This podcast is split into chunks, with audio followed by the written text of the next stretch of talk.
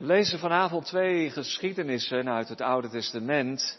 De een is heel bekend, de ander denk ik wat minder. En die beide geschiedenissen vinden plaats in Bethel. En ze vormen een contrast. Het een is een mooi voorbeeld van hoe het kan en hoe het moet en mag. En het ander is een waarschuwend voorbeeld, hoe het, hoe het niet moet. En het is misschien een beetje veel voor één preek, maar ik wil dat toch proberen vanavond bij elkaar te brengen en te overdenken aan de hand van die steen die daar in Bethel door Jacob wordt opgericht. Genesis 28 vanaf vers 10. Genesis 28 vanaf vers 10. Jacob heeft zijn vader bedrogen, blinde Isaac. En heeft daarmee de haat van Esau over zijn hals gehaald, die van plan is om hem te doden. En dan stuurt vader Isaac Jacob maar weg. Ook op een soort huwelijksreis, maar dan nog zonder bruid. Terug naar Mesopotamië, om daar een vrouw te zoeken. Maar intussen is natuurlijk Jacob aan het eind van alles een soort vluchteling. Vers 10 van 28. Jacob nu vertrok uit Beersheba en hij ging naar Haran. En hij bereikte de plaats waar hij overnachtte, want de zon was ondergegaan.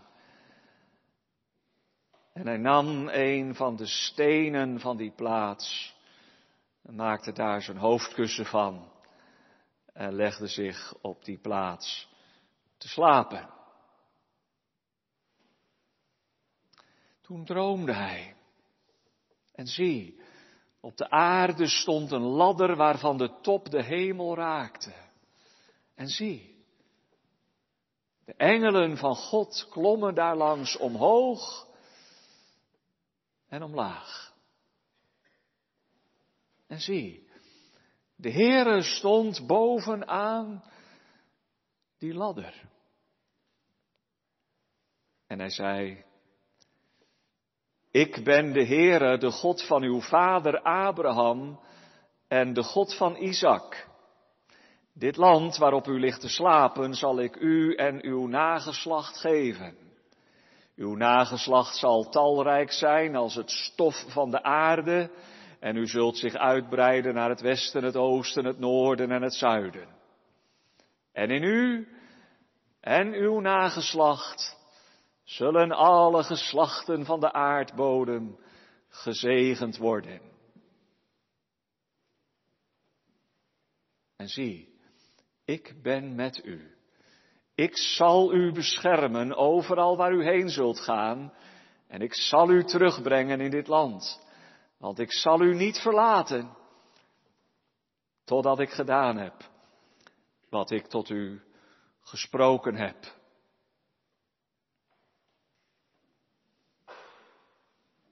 Toen Jacob uit zijn slaap ontwaakte, zei hij, de Heere is werkelijk op deze plaats. En ik heb het niet geweten. Daarom was hij bevreesd. En hij zei, hoe onzagwekkend is deze plaats. Dit is niets anders dan het huis van God en de poort van de hemel. Daarna stond Jacobs morgens vroeg op. Hij nam de steen waar hij zijn hoofdkussen van gemaakt had, zette die overeind als een gedenkteken en hij goot er olie op. En hij gaf die plaats de naam Bethel, hoewel de naam van de stad eerst Lus was. En Jacob legde een gelofte af en hij zei, als de Heere met mij zal zijn en mij zal beschermen op deze weg waarop ik ga, en mij brood zal geven om te eten en kleren om aan te trekken, en ik in vrede in het huis van mijn vader zal terugkeren, dan zal de Heere mij tot een God zijn. En deze steen, die ik als gedenkteken overeind gezet heb, zal een huis van God zijn. En van alles wat u mij zult geven, zal ik u zeker het tiende deel geven. En dan bladeren we door in de geschiedenissen van het Oude Testament naar 1 Koningen 12. In 1 Koningen 12 gaat het over de eerste koning van het noordelijke tienstammenrijk. Dat was koning Jerobiam. Na Salomo was het koninkrijk gesplitst in twee stammen, Juda en Benjamin, met koning Rehabiam. En het noordelijke stammenrijk met tien stammen onder de opstandeling, maar wel door God aangewezen als koning van die tien stammen, als oordeel over de zonde van Salomo, de opstandeling Jerobiam. En dan lezen we dat Jerobiam zich eh, zorgen maakt. Hoe moet dat gaan met de godsdienst? Als al die mensen steeds maar naar Jeruzalem gaan, ja, dan raak je ze straks kwijt. En dan lezen we wat hij daaraan wilde doen in vers 26 van 1 Koningen 12. En dan lezen we tot het einde. En Jerobiam zei in zijn hart, nu zal het koninkrijk weer aan het huis van David komen. Als dit volk optrekt om offers te brengen in het huis van de Here in Jeruzalem, dan zal het hart van dit volk terugkeren naar hun Heer, naar Rehabiam, de koning van Juda. Dan zullen ze mij doden en terugkeren naar Rehabiam, de koning van Juda. Daarom pleegde de koning overleg en hij maakte twee gouden kalveren. Hij zei tegen het volk, het is te veel voor u om op te trekken naar Jeruzalem. Zie uw goden Israël die u uit het land Egypte hebben doen optrekken. En hij plaatste het ene in Bethel en het andere zette hij in Dan. Dit werd aanleiding tot zonde, want het volk liep voor het ene uit tot aan Dan toe. En hij maakte ook een godshuis op de offerhoogten. En hij stelde priesters aan uit alle geledingen van het volk die niet tot de nakomelingen van Levi behoorden. Verder stelde Jerobiam een feest in, voor, een feest in voor, de, voor in de achtste maand, op de vijftiende dag van de maand, zoals het feest dat in Juda gevierd werd. En hij besteeg dan het altaar. Zo deed hij het ook in Bethel. Door offers te brengen aan de kalveren die hij gemaakt had. En hij stelde ook in Bethel priesters aan voor de offerhoogten die hij gemaakt had. Ook bracht hij brandoffers op het altaar dat hij in Bethel gemaakt had. Op de vijftiende dag van de achtste maand. In de maand die hij in zijn eigen hart bedacht had. Zo stelde hij voor de Israëlieten een feest in en offerde op het altaar door reukoffers te brengen.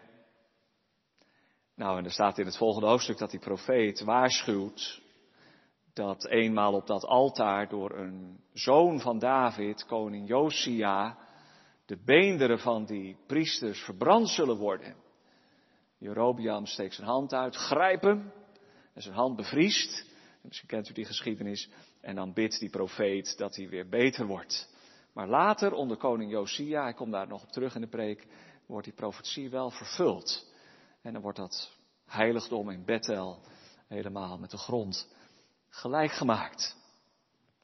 De tekst voor de preek kunt u vinden in, moet even terugbladeren, Genesis 28, vers 18. Daarna stond Jacob morgens vroeg op. Hij nam de steen waar hij zijn hoofdkussen van gemaakt had, zette die overeind als een gedenkteken en hij goot er olie op. Misschien mag ik de tekstkeuze even toelichten. Afgelopen zondag preekte ik in de Verenigde Staten, waar ik voor mijn werk was, in de Christelijke Kerk in Grand Rapids over de geschiedenis van Jacob. Een mooie geschiedenis. En toen kwam een goede vriend na afloop van de dienst naar me toe en hij zei tegen me, zou u morgenavond een meditatie willen houden voor onze familie? Eh, afgelopen maandag was de 4th of July, de eh, onafhankelijkheidsdag. En dat is een feestdag waarin al die families bij elkaar komen. En, en hij zei, zou je dan over de steen willen spreken? Van Jacob. Nou, keek hem even een beetje verwonderd aan. Wat moet ik nou over die steen nog preken nadat ik al over Jacob en die geschiedenis gepreekt? Nou, zei hij, mijn vader, is een jaren geleden overleden, een goede vriend ook van ons. Die sprak elke 4th of July, elk jaar, over een van de stenen in de Bijbel. En nou dacht ik zo naar aanleiding van deze preek, zei hij, eh, als u dat zou willen doen morgenavond, dan bent u bij ons te gast, wij heel de familie, man of tachtig, grote familie. Als u dan zou willen spreken over die steen van Jacob. Nou, ik had nog nooit over een steen gepreekt, maar ik heb dat toegezegd en vond het eigenlijk wel heel mooi. Uh, daar kunnen we ook vanavond wel wat van leren, van die, van die geschiedenis natuurlijk van Jacob, die neem ik er dan wel bij. Maar ook van wat er later met die plaats en met die steen uh, gebeurd is. Vandaar deze tekstkeuze. Geliefden in de Heere Jezus Christus. Ik dacht eerlijk gezegd zondagavond wel even, wat moet ik nou met die steen? Hoe moet je daarover spreken? Welke lijnen moet je trekken? Je zou natuurlijk rechtstreeks van die steen naar de Heer Jezus kunnen gaan en kunnen zeggen, Hij is de rotssteen, vaste rots van mijn behoud. Hij wordt ook in de Bijbel wel met de steenrots vergeleken en de steenrots was Christus. Maar ja, dan krijg je ook een beetje kortsluiting, dan wordt het heel speculatief en misschien een beetje, zoals we dat dan noemen, allegorisch. Hè? Dat je in elke steen in het Oude Testament kun je wel aan de Heer Jezus verbinden. Maar doe je dan ook recht aan de betekenis van die tekst? Maar toen ik erover nadacht, dacht ik, er zijn toch al een mooie lessen uit te trekken. Juist omdat we door die steen ook die latere geschiedenis van wat daar op die heilige plaats in Bethel gebeurd is, dat we via die steen die link kunnen leggen. En daarom wil ik vijf lessen met jullie delen. Vijf dingen die je over die steen zou kunnen zeggen. En op zo'n manier dat je er misschien ook iets van leert voor de praktijk van je eigen leven. Het eerste, en dat is eigenlijk een vraag voor jullie jongens en meisjes, hoe oud was die steen? Wat denk je? Als je een steen ziet in het buitenland, je bent op vakantie, of zo'n enorme rots in de bergen, of, of misschien gewoon een steen in het bos, of bij de hunebedden, die enorme rotsblokken. Komen helemaal uit Scandinavië, zeggen ze, met de ijstijd. Ik weet ook niet. Hoe oud zijn die stenen eigenlijk? Ja, wie zal het zeggen? Zo oud als de schepping. Misschien wel. Een steen is een steen en die verandert niet, die slijt misschien een beetje af. Die steen is door God, en dat is de eerste gedachte, door God geschapen. Mooi eigenlijk. Daar kun je soms ook van onder de indruk raken. Hebben jullie dat ook wel eens? Natuurlijk van de levende natuur, de planten en de dieren. Als je ook gewoon overweldigd wordt, zomaar even een moment, zelfs als je een steen oppakt, een doodgewone kei, dat je erover nadenkt. Die steen die was er al lang voordat ik er was. En die steen die zal er ook wel zijn als ik er niet meer ben. Er zit iets van, ja, van onvergankelijkheid in, hè? in dat beeld. En daarom denk ik ook dat het voor de Heere God gebruikt wordt. Hij was er al voordat wij er waren. En hij zal er altijd zijn. Er zit iets van de gedachte van de, van de eeuwigheid in. Denk er maar eens over na als je een steen ziet in de vakantietijd. Je kunt er zomaar even over mijmeren. Wij niet, wij zijn gelijk het gras. Hou er rekening mee. Dat het zo snel voorbij gaat, die genadetijd van God. Een flits. En een steen die bepaalt ons, eh, ook een steen, zelfs een steen, bij onze schepper. Maar als je dan in de geschiedenis dat inpast, dan zie je, en dat is eigenlijk wel mooi, dat je met die schepping van God, of het nou om een steen gaat, of om de dieren op de boerderij, schepping van God, of je andere werk, of waar je, het materiaal waar je mee werkt, schepping van God, dat hout, Of je tijd, hè, de, tijd die je hebt. Het hoort ook bij de sche- Alles, alles, alles is door God geschapen. Daar kan je twee kanten mee opgaan, volgens de Bijbel. Je kan zeggen, Heer, dank u wel. Alle schepsel van God is goed, zegt uh, Paulus in 1 Timotheus 4, als je ervoor kunt bidden en voor kunt danken. Dat is, zouden we zeggen, de heiliging van het leven. Een mooie les hier. Bij Jacob, daar kom ik zo op terug. Maar je kan met die geschapen werkelijkheid, wat het ook is, zilver en goud of steen, je kan ook heel verkeerde kant mee opgaan. Je kan zeggen, Heer, dank u wel, het is van u en het is voor u. Maar, maar je kan ook een afgod van maken. Een afgod maken we ook van de geschapen dingen. Zo over nadenken. Zilver en goud. Je maakt een afgodsbeeld van. Wij niet meer, deden ze vroeger. Maar je kan wel een afgod maken van zilver en goud. Alles waar je een afgod van maakt is eigenlijk, zegt Paulus in Romeinen 1, in plaats van de schepper, het schepsel aanbidden en vereren. Dus, dus die steen van Jacob, die plaatst ons hier even voor een tweesprong. Wat doe je ermee? Met Jacob? Of met, met Jerobiam? Twee wegen. Dat brengt me meteen bij de tweede gedachte, want die steen is voor Jacob wel heel bijzonder. Nou ja, in eerste instantie is het een gewone kei. En als hij vermoeid is van de reis, gaat hij slapen en hij, staat eerst een meervoud, hij gebruikt de stenen van die plaats. Sommigen zeggen dat hij dat een beetje zo uh, rondom heeft neergezet, misschien als een soort hek tegen de wilde dieren of de slangen, wie zal het zeggen? Ja, slang kruipt er misschien ook overheen, maar dat je toch een beetje beschut ligt. En, en een van die stenen gebruikt hij dan als kussen. Ik moest daar niet aan denken vroeger als kind. Hoe kan je nou slapen op een steen?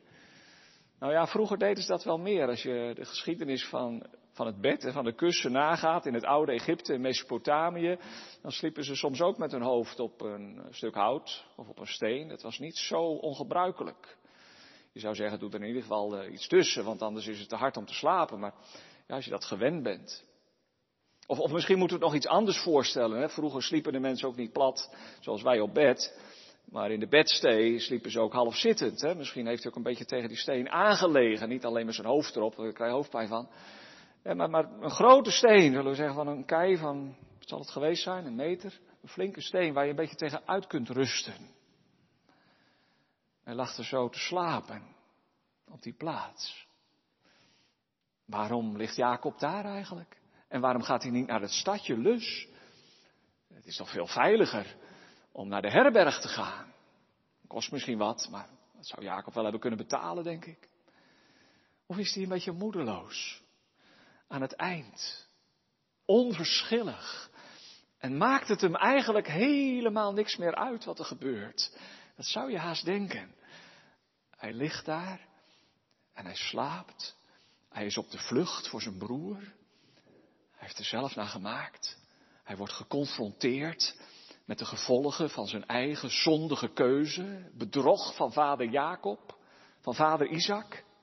Jacob betekent ook bedrieger. De woede van Esau, je kunt het je ook zomaar voorstellen, voor de tweede keer, verlinkt door zijn eigen broer.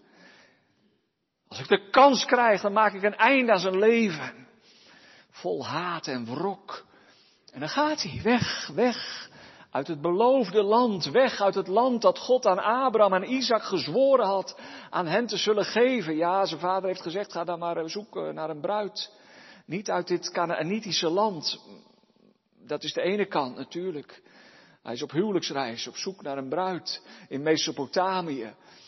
Maar hij is er ook helemaal klaar mee. Aan het eind van alles. Angstig. En vol zorg. Misschien zelfs onverschillig. Hè? Als je moedeloos en depressief bent, kun je zelfs onverschillig worden en zeggen, maakt het me allemaal uit? Misschien denk je nou dat ik er te veel in lees. Hè? Je moet voorzichtig zijn dat je niet te veel fantaseert over een Bijbelse geschiedenis. Maar in hoofdstuk 35, vers 3, als Jacob dan weer terugkomt, na die ontmoeting met Esau in Peniel, en dan weer teruggaat naar Bethel, dan zegt hij dat God hem daar in de dag van zijn benauwdheid heeft opgezocht. Dus het is niet alleen maar inlegkunde, we moeten voorzichtig zijn. Maar zo spreekt Jacob er zelf over als hij terugkijkt, jaren later. Het was geen gemakkelijke tijd. Het was de dag van mijn benauwdheid. En dan droomt Jacob, die bekende droom, een diepe slaap, oververmoeid van de lange reis. En hij ziet in gedachten, zie je het voor je, een ladder vanuit de hemel op de aarde staan. Het is geen ladder zoals van de brandweer, jongens en meisjes. Maar het is een soort uh, piramide. Hè? Je hebt die piramides in Egypte. Uh, het lijkt wel een grote trap, hè? een soort reuzentrap. Maar ja, de top die reikt bijna tot in de hemel. Zo hoog zijn die piramides. Nou, het woord dat hier gebruikt wordt heeft waarschijnlijk die betekenis. Een soort, een soort trap naar de hemel. Breed genoeg. Want kijk eens, de engelen, die gaan op en neer. Die engelen komen niet uit de hemel. Tenminste, als je de Joodse uitleg volgt, die zeggen dat staat er niks voor niks. Omhoog, opklimmende en, en omlaag, nederdalende. Die engelen waren er al. En ze gaan naar de hemel en er komen andere engelen voor in de plaats. Jacob staat op het punt om het beloofde land te verlaten. Hij staat op de grens. En er is een soort wisseling van de wacht. De engelen die bij hem waren om hem te beschermen en te begeleiden op de reis. De engelen waarvan we weten in het Nieuwe Testament dat ze uitgezonden worden door de Here tot dienst van degene die de zaligheid beërven zullen. De engelen zijn onzichtbaar, maar ze waken wel over Jacob.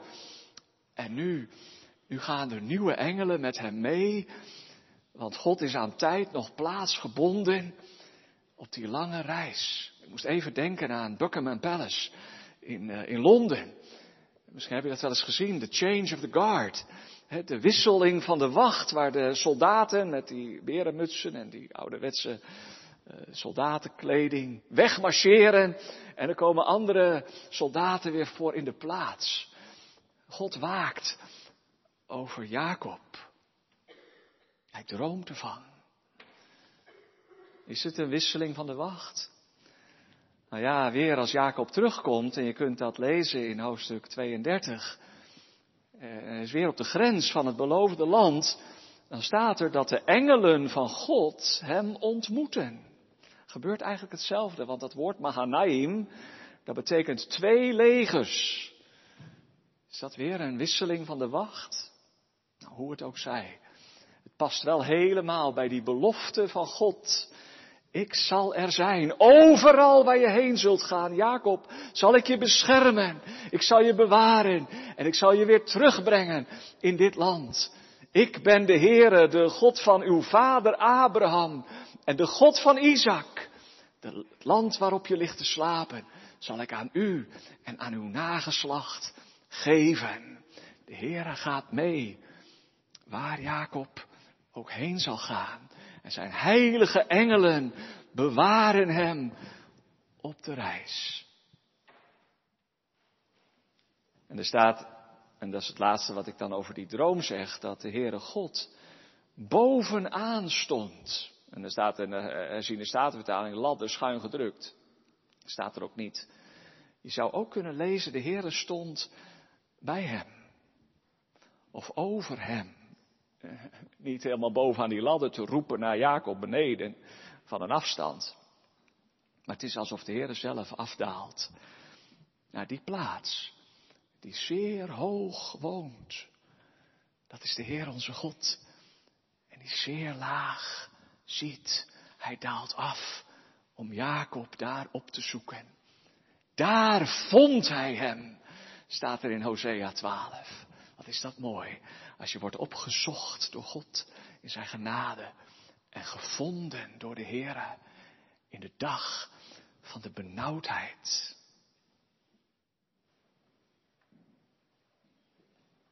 Ja, dan wordt Jacob wakker, hè. Hij schrikt wakker. De Heere was aan deze plaats. En ik heb het niet beseft. Ik lag te slapen.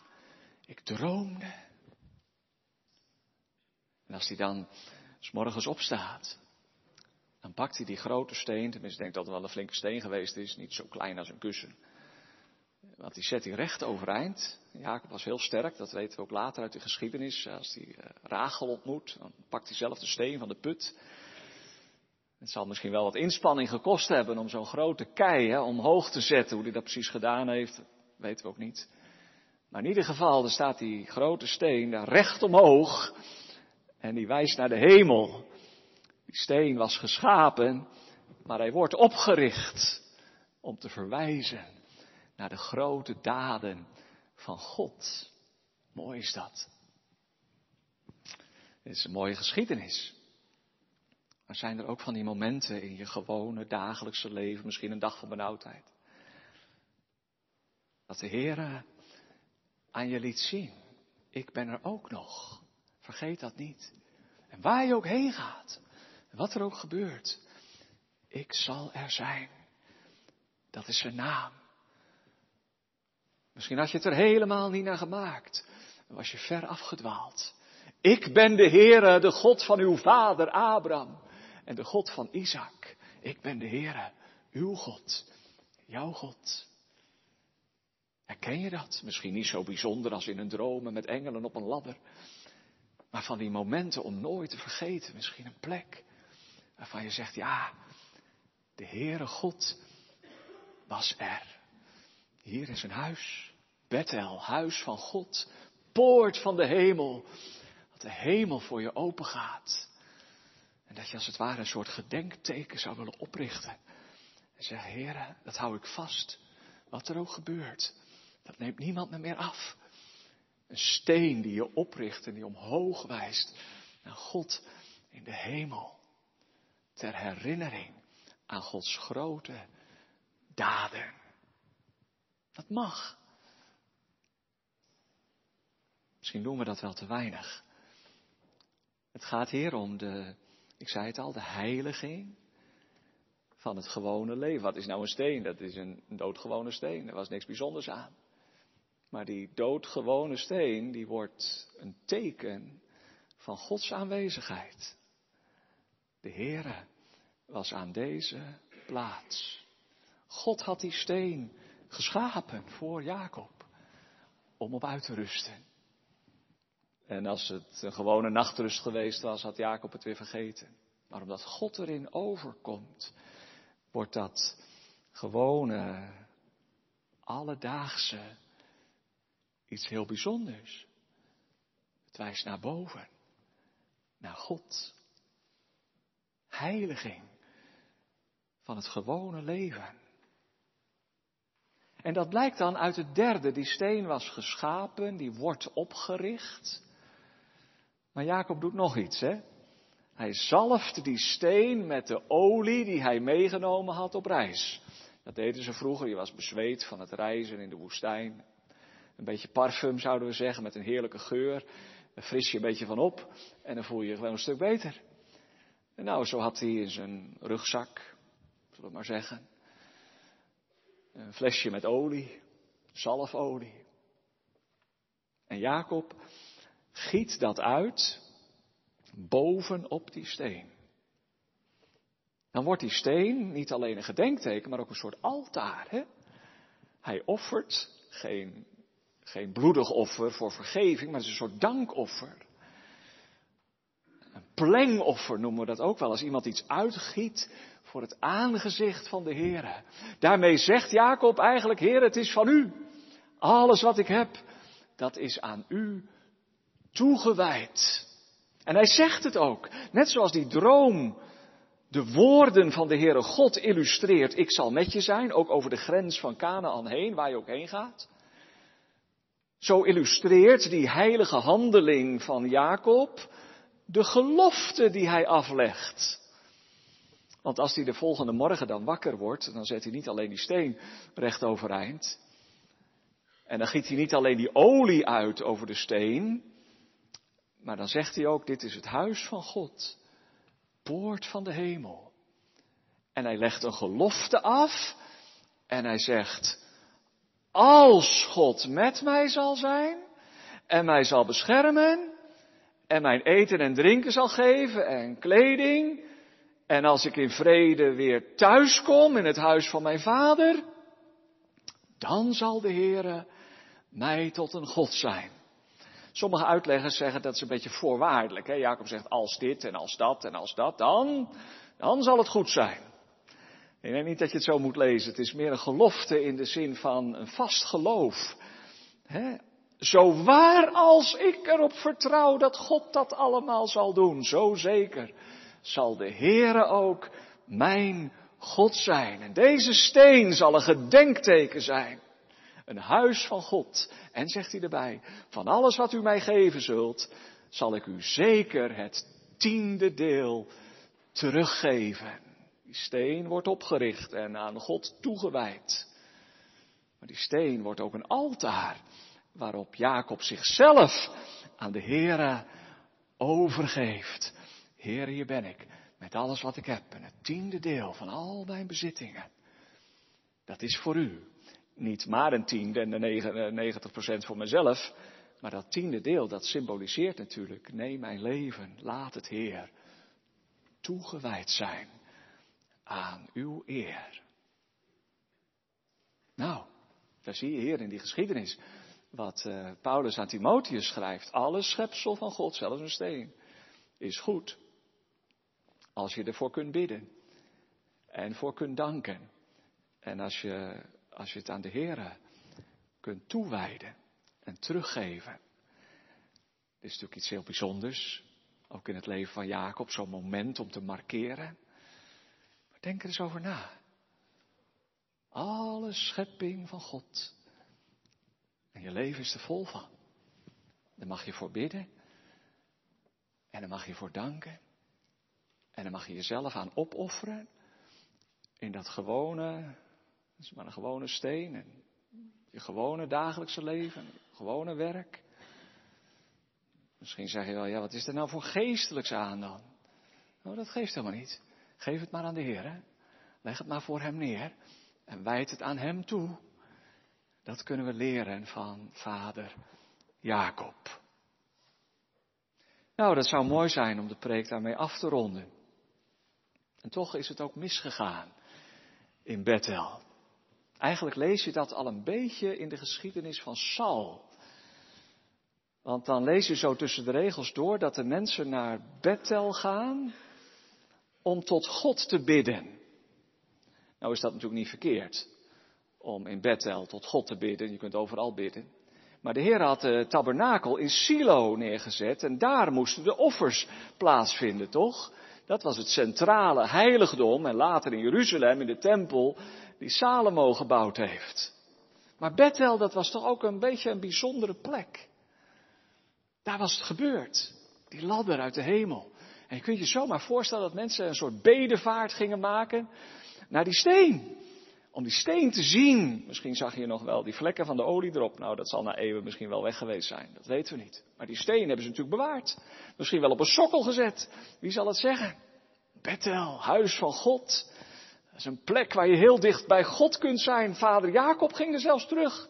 Toen de Heere zei in Mesopotamië, ik ben de God van Bethel. En heeft daar een altaar gebouwd en offers gebracht. Dat is een historische plaats. Het is op zichzelf niet verkeerd. Als een gedenkteken om de grote daden van God te gedenken. Misschien heb je dat ook wel in de vakantietijd als je ergens naartoe gaat. En hier is het gebeurd. Uit je familiegeschiedenis. Je over, over, overgrootvader heeft daar op die boerderij gewoond. Het is toch wel bijzonder om daar een keer te zijn. Of uit de geschiedenis van Europa, een kerk of een, of een plaats waar je naartoe gaat. En daar, daar ben ik geweest. En je maakt een selfie en je zet dat op uh, social media, zodat iedereen kan zien dat je er geweest bent. Dat is niet verkeerd. Maar wat er nou gebeurt in de geschiedenis van Israël is dat dat natuurlijk een soort, ja, hoe moet ik dat zeggen?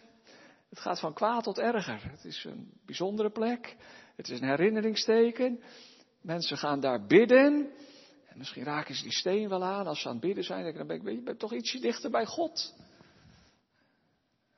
Dat is niet de bedoeling. Dan wordt die steen een, een, een soort ja, afleiding. Die, die, steen was wel aan de Heere God toegewijd, maar het is geen genademiddel. Je, je, kunt door die steen aan te raken, die steen niet te zien, niet, niet dichter bij God komen. Zo werkt het niet. En dan eindigen we eigenlijk, als we doorbladeren in de geschiedenis van Israël, bij koning Jerobiam. Hij was bezorgd, net koning geworden. De mensen gingen elk jaar nog naar het paasfeest. En de andere grote feesten in Jeruzalem. Nou, zegt hij straks, raak ik allemaal kwijt. Dat had hij niet hoeven denken hoor, want de Heer had zelf hem tot koning gemaakt over de tien stammen. En als hij op God vertrouwd had, was hij niet zo bezorgd geweest. Maar hij denkt, daar moet ik wat aan doen. En hij belegt een vergadering van de ministerraad. En zegt, jongens, wat zullen we doen? Het gaat helemaal verkeerd. Als we elk jaar een paar keer naar Jeruzalem gaan, dan, ja, dan wordt het nooit van ons. We moeten, eh, we moeten ons afscheiden. We moeten voor onszelf beginnen met de godsdienst. Weet je wat we doen? We maken de mensen een beetje gemakkelijk. En hij zegt, ach, het is eigenlijk veel te ingewikkeld om helemaal naar Jeruzalem te gaan. Dat kunnen wij ook wel. Wat? Eén in het noorden, in Dan, dan hoeven de mensen helemaal niet zo ver te reizen. Dan kunnen ze een dagje van maken. Als ben je een paar dagen kwijt. En één in het zuiden, in Bethel, het huis van God, waar vader Jacob die droom gehad heeft. En dan maken we feestdag, net een maandje later dan in Israël, in een andere maand. En we stellen priesters aan, dat hoeven geen levieten te zijn. Hoor, dat is helemaal niet nodig. Iedereen die solliciteert kan worden aangenomen als priester in het heiligdom. Laten we niet te moeilijk doen. En vooral op onze eigen manier de godsdienst invullen. Want dat blijkt tussen de regels door. Ik heb het gelezen. Wat hij in zijn eigen hart bedacht had. Dat wordt de regel voor de godsdienst. Religie genoeg maar wel een eigen verzonnen godsdienst op diezelfde plek, daar in Bethel. Ja, of die steen daar nog geweest is, dat staat niks over in de Bijbel. Je zou het haast wel denken, hè, dat ze die steen gekoesterd hebben, maar weet het ook niet helemaal zeker. Maar of die steen er nou was of niet, ja, die steen zal er nog wel zijn, ja, ergens onder de stof, bedolven misschien nu nog.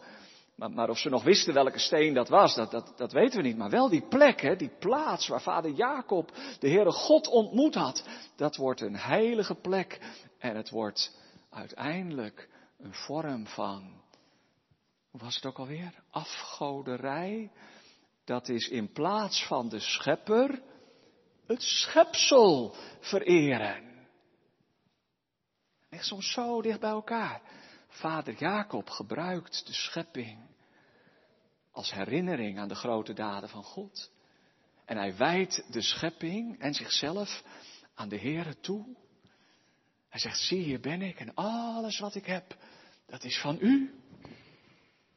En als je een paar bladzijden omslaat, dan draait het helemaal om. En in plaats van de, dat de schepper door de schepping vereerd wordt, wordt de schepping in plaats van de schepper vereerd. Een gouden kalf wat zeg ik? Twee gouden kalveren, één in Dan en één in Bethel. Dit zijn uw goden, Israël, die u uit Egypte hebben uitgevoerd. Wat een dwaasheid. Daardoor was het oordeel van God aan de Sinai over het volk uitgestort. En Jerobian begint voor zichzelf in zijn eigen verzonnen godsdienst. Die steen die door God geschapen was. Door Jacob opgericht en gezalfd toegewijd aan de Heer, wordt nu verafgood en vereerd in plaats van de Heere, de God van Israël. Je kan overal een afgod van maken, zelfs van steen. Hoe is het mogelijk? Je kan overal een afgod van maken. Zilver en goud. Het werk van mensenhanden. Want een afgod is er niet. maak je zelf. Wist je dat? Die afgoden bestaan helemaal niet. Dat is het werk van mensenhanden. Wat erg. Ja, misschien is het voor ons ook niet zo herkenbaar wat daar gebeurt in die religie van het noordelijke stammenrijk, de zonde van Jerobeam, de zoon van Nebat, die Israël zondige deed, staat elke keer bij elke koning. Maar hoe gaan wij om met Gods goede gaven? Van welke steen maken wij een afgod? Zilver en goud. Zeg, Heer, dank u wel, het is alles van u. Mag ik het gebruiken? En mag ik het weggeven voor hen die het harder nodig hebben dan ik? Want als je er een afgod van maakt, dan wordt het een tiran, hè? Dan gaat die afgod over jou heersen. Dan ben je niet meer vrij. Dan zit je er straks aan vast. En het wordt je ondergang. Zilver en goud. Je werk. Mooi, is een gave van God, genieten van als je kan werken. Kan je ook zo in beslag nemen en opslokken dat je geen goede vader meer bent in je gezin. Je wordt een afgod. En je wordt een slaaf van je eigen baan, van je eigen bedrijf. Alles moet wijken voor die afgod. Wees voorzichtig. Kun je de Heer er nog voor danken? Kun je er nog voor bidden? Ja, misschien doe je dat wel. Maar het kan zomaar, zomaar een afgod worden. Alles waarvan we zeggen, het is van mij, dat gaat al mis. Het is van Hem. En je hebt het ontvangen. En je mag het gebruiken. En je mag ervan genieten. Je mag er zelfs de olie over uitgieten, zeg Heer. Dank u wel, het is een altaar. Abba, Vader, u alleen. U behoor ik toe met alles, alles wat ik heb. Maar bewaar me ervoor dat ik niet net als Jerobiam en Israël afgoderij en beeldendienst ga bedrijven met uw goede gaven. Een waarschuwing. Want zelfs van wat God gedaan heeft in de geschiedenis van Israël, het bleef bijzonder, Bethel is een bijzondere plek. Herdenking, wat God gedaan heeft, zelfs daarmee kun je afgoderij bedrijven. Met de allerheiligste dingen, als je ze zelf naar je hand zet, kan het je afleiden van de Heere God. Bethel is ook een waarschuwing. En trouwens, de Heere God waarschuwt zelf koning Jerobiam. Als die profeet, die jonge man uit Juda, naar het noorden gestuurd wordt, om daar bij de inwijding van dat altaar aanwezig te zijn. En je moet maar durven, hè, opeens opstaat in het midden van het volk en zegt, koning, op dit altaar zullen de beenderen van de priesters die hier nu dienen verbrand worden door een van de zonen van koning David met de naam Josia. Iedereen kijkt stom verbaasd, verwonderd. Gebeurt hier? Grijpt hem, zegt koning Jerobiam. En hij strekt zijn hand uit. Hij kan die hand niet meer bewegen. Schrik. Hij verstijft. Oordeel van God. Oh, wil je alsjeblieft voor me bidden, zegt hij, dat mijn hand weer beter wordt. Ja, dat heeft hij ook nog gedaan. En hij kreeg zijn kracht weer terug, maar zijn hart bleef onveranderd. Hij wordt gewaarschuwd. Israël wordt nog één keer gewaarschuwd voor de afgodendienst. Maar Jerobeam was wel even onder de indruk.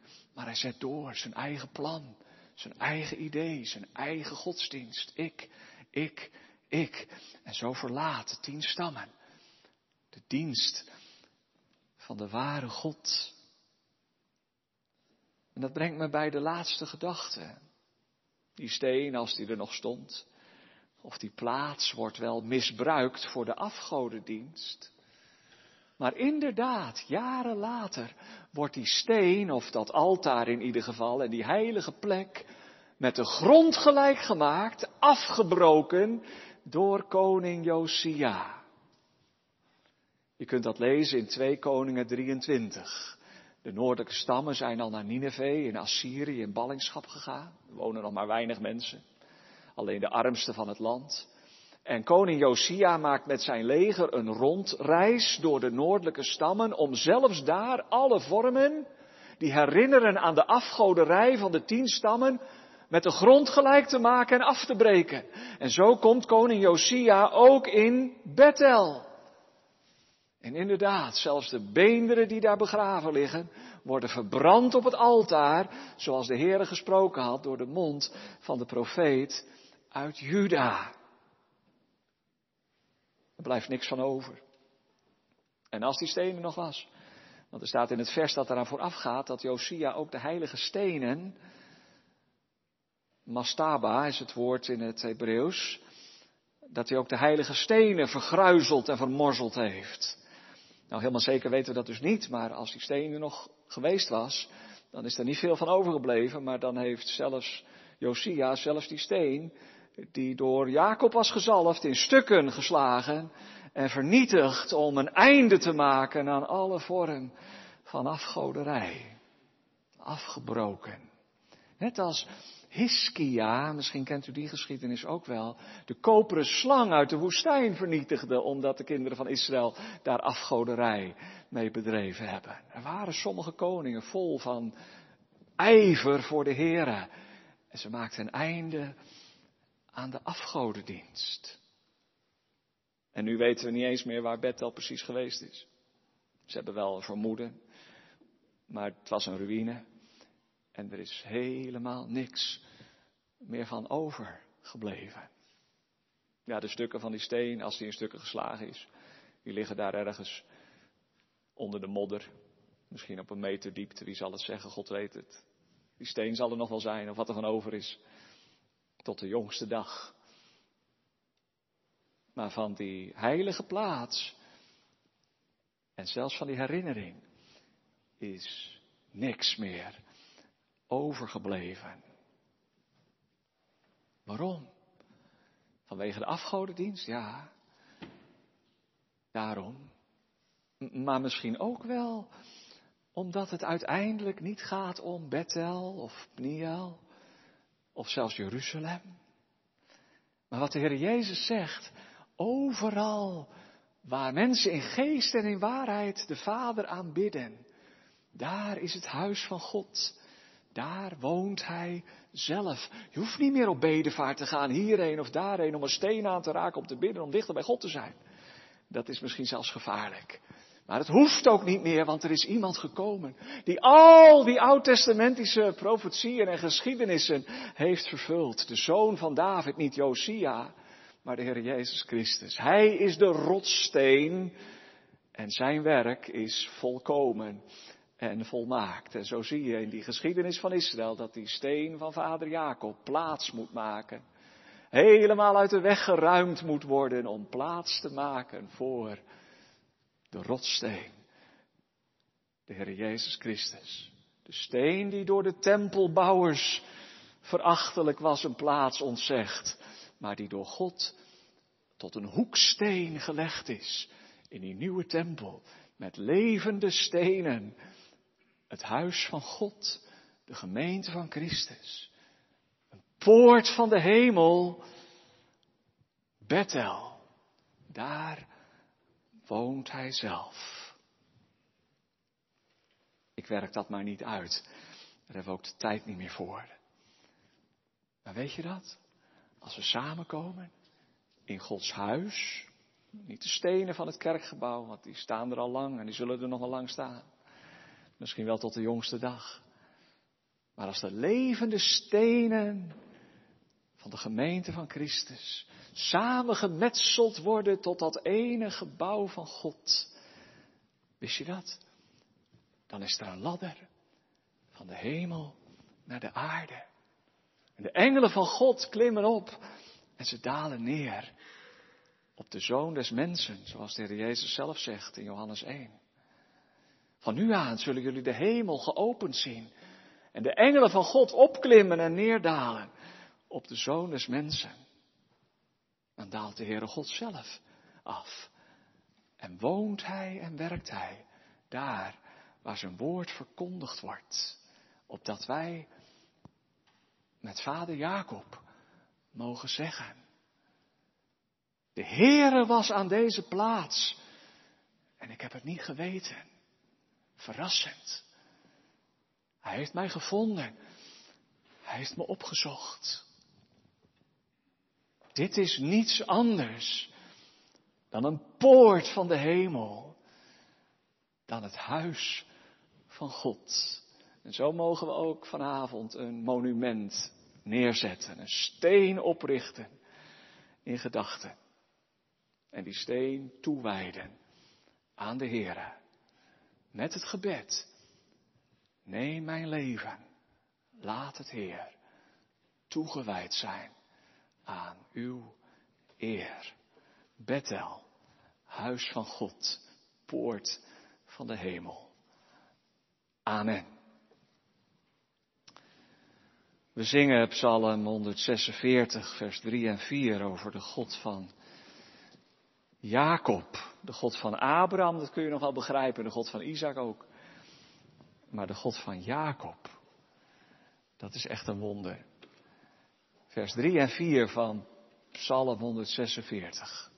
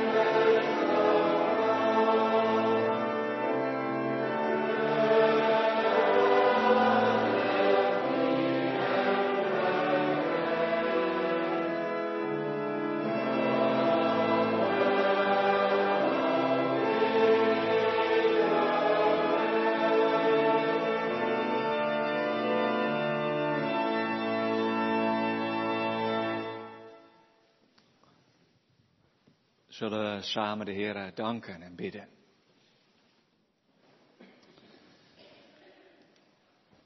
Heere, wilt u ons dat leren? Om ons gewone dagelijkse leven, misschien wel al te gewoon. En misschien denken we wel, als ik nou dit of dat zou doen, dan zou het misschien wel geestelijker zijn. En dat kan. Dat gevoel kan ook heel oprecht zijn. Maar zelfs die steen is niet te gewoon om aan u toegewijd te worden als een teken van uw trouw.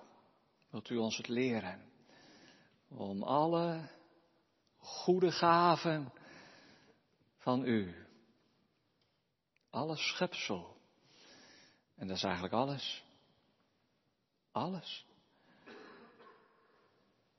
om ervoor te danken en ervoor te bidden. En om te leven in het besef, u behoort ertoe.